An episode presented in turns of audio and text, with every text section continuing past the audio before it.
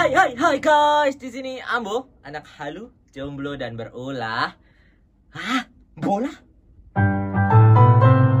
Hai. Penasaran kan? Iya, jadi di episode 2 barusan tuh aku udah nyebut-nyebut tuh kata insecure. Ada apa dengan insecure?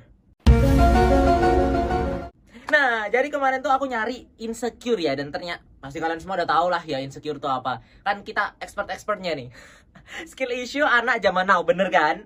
Iya, insecure tuh di mana kita kan kayak ngerasa nggak aman gitu kan, nggak nyaman, malu, bahkan kayak terlalu cemas dalam melakukan sesuatu, baik secara pribadi maupun sosial.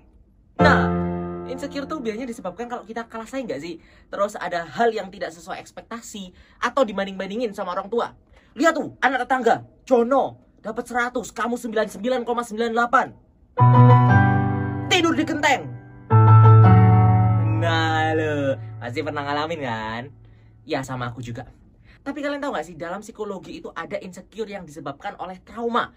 Jadi ketika kita pengen melakukan tindakan, kita mikir-mikir. Nggak deh, takut nanti kayak kemarin. Nggak deh, takut salah. Nggak deh, takut gini gitu. Pernah kan kayak gitu kan? Iya sama, aku juga. Ya mungkin kalian mikirnya, Amu mah enak, dia ngomong terus rocos kayak kereta Shinkansen.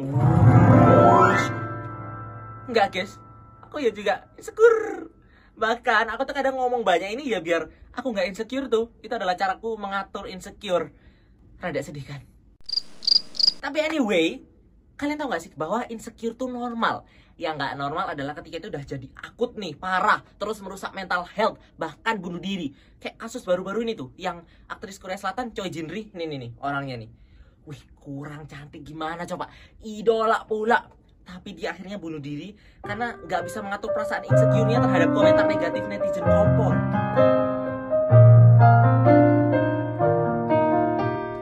Gak bisa kebayangkan depresinya tuh gimana. Tapi tenang, tenang guys guys kalian. Aku sampai nanya nih, kalau dokter liputan 6 sama IDN Times, gimana sih caranya ngatur insecure? Dan ternyata mereka itu bilang yang paling penting adalah cintai dirimu. Jangan cintai usus saja yang kayak di iklan tuh.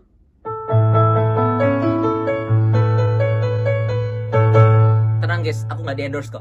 But anyway, selanjutnya kita bisa nih stop banding-bandingin diri karena kita itu city mewah dengan ciri khas kita masing-masing. Terus kita juga bisa tinggalkan toxic circle, nggak usah bergantung pada orang lain, buat karya sendiri dan self reward nih kalau kita sudah berhasil mencapai target yang kita inginkan. Jalan-jalan, cek, makan banyak, cek, scroll TikTok, cek, rebahan, cek, apa pun itu yang bisa membuat kita kembali happy nih dan kembali semangat.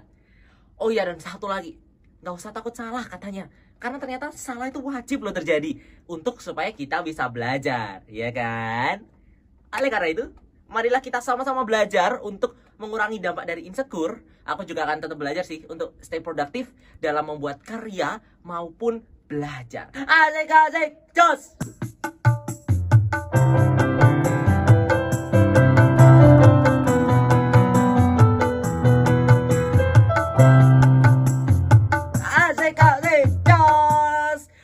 Guys kalian, Dato Sri Atun ketemu suster ngesot. Hi, stay tune for my next episode. Hai, ciao.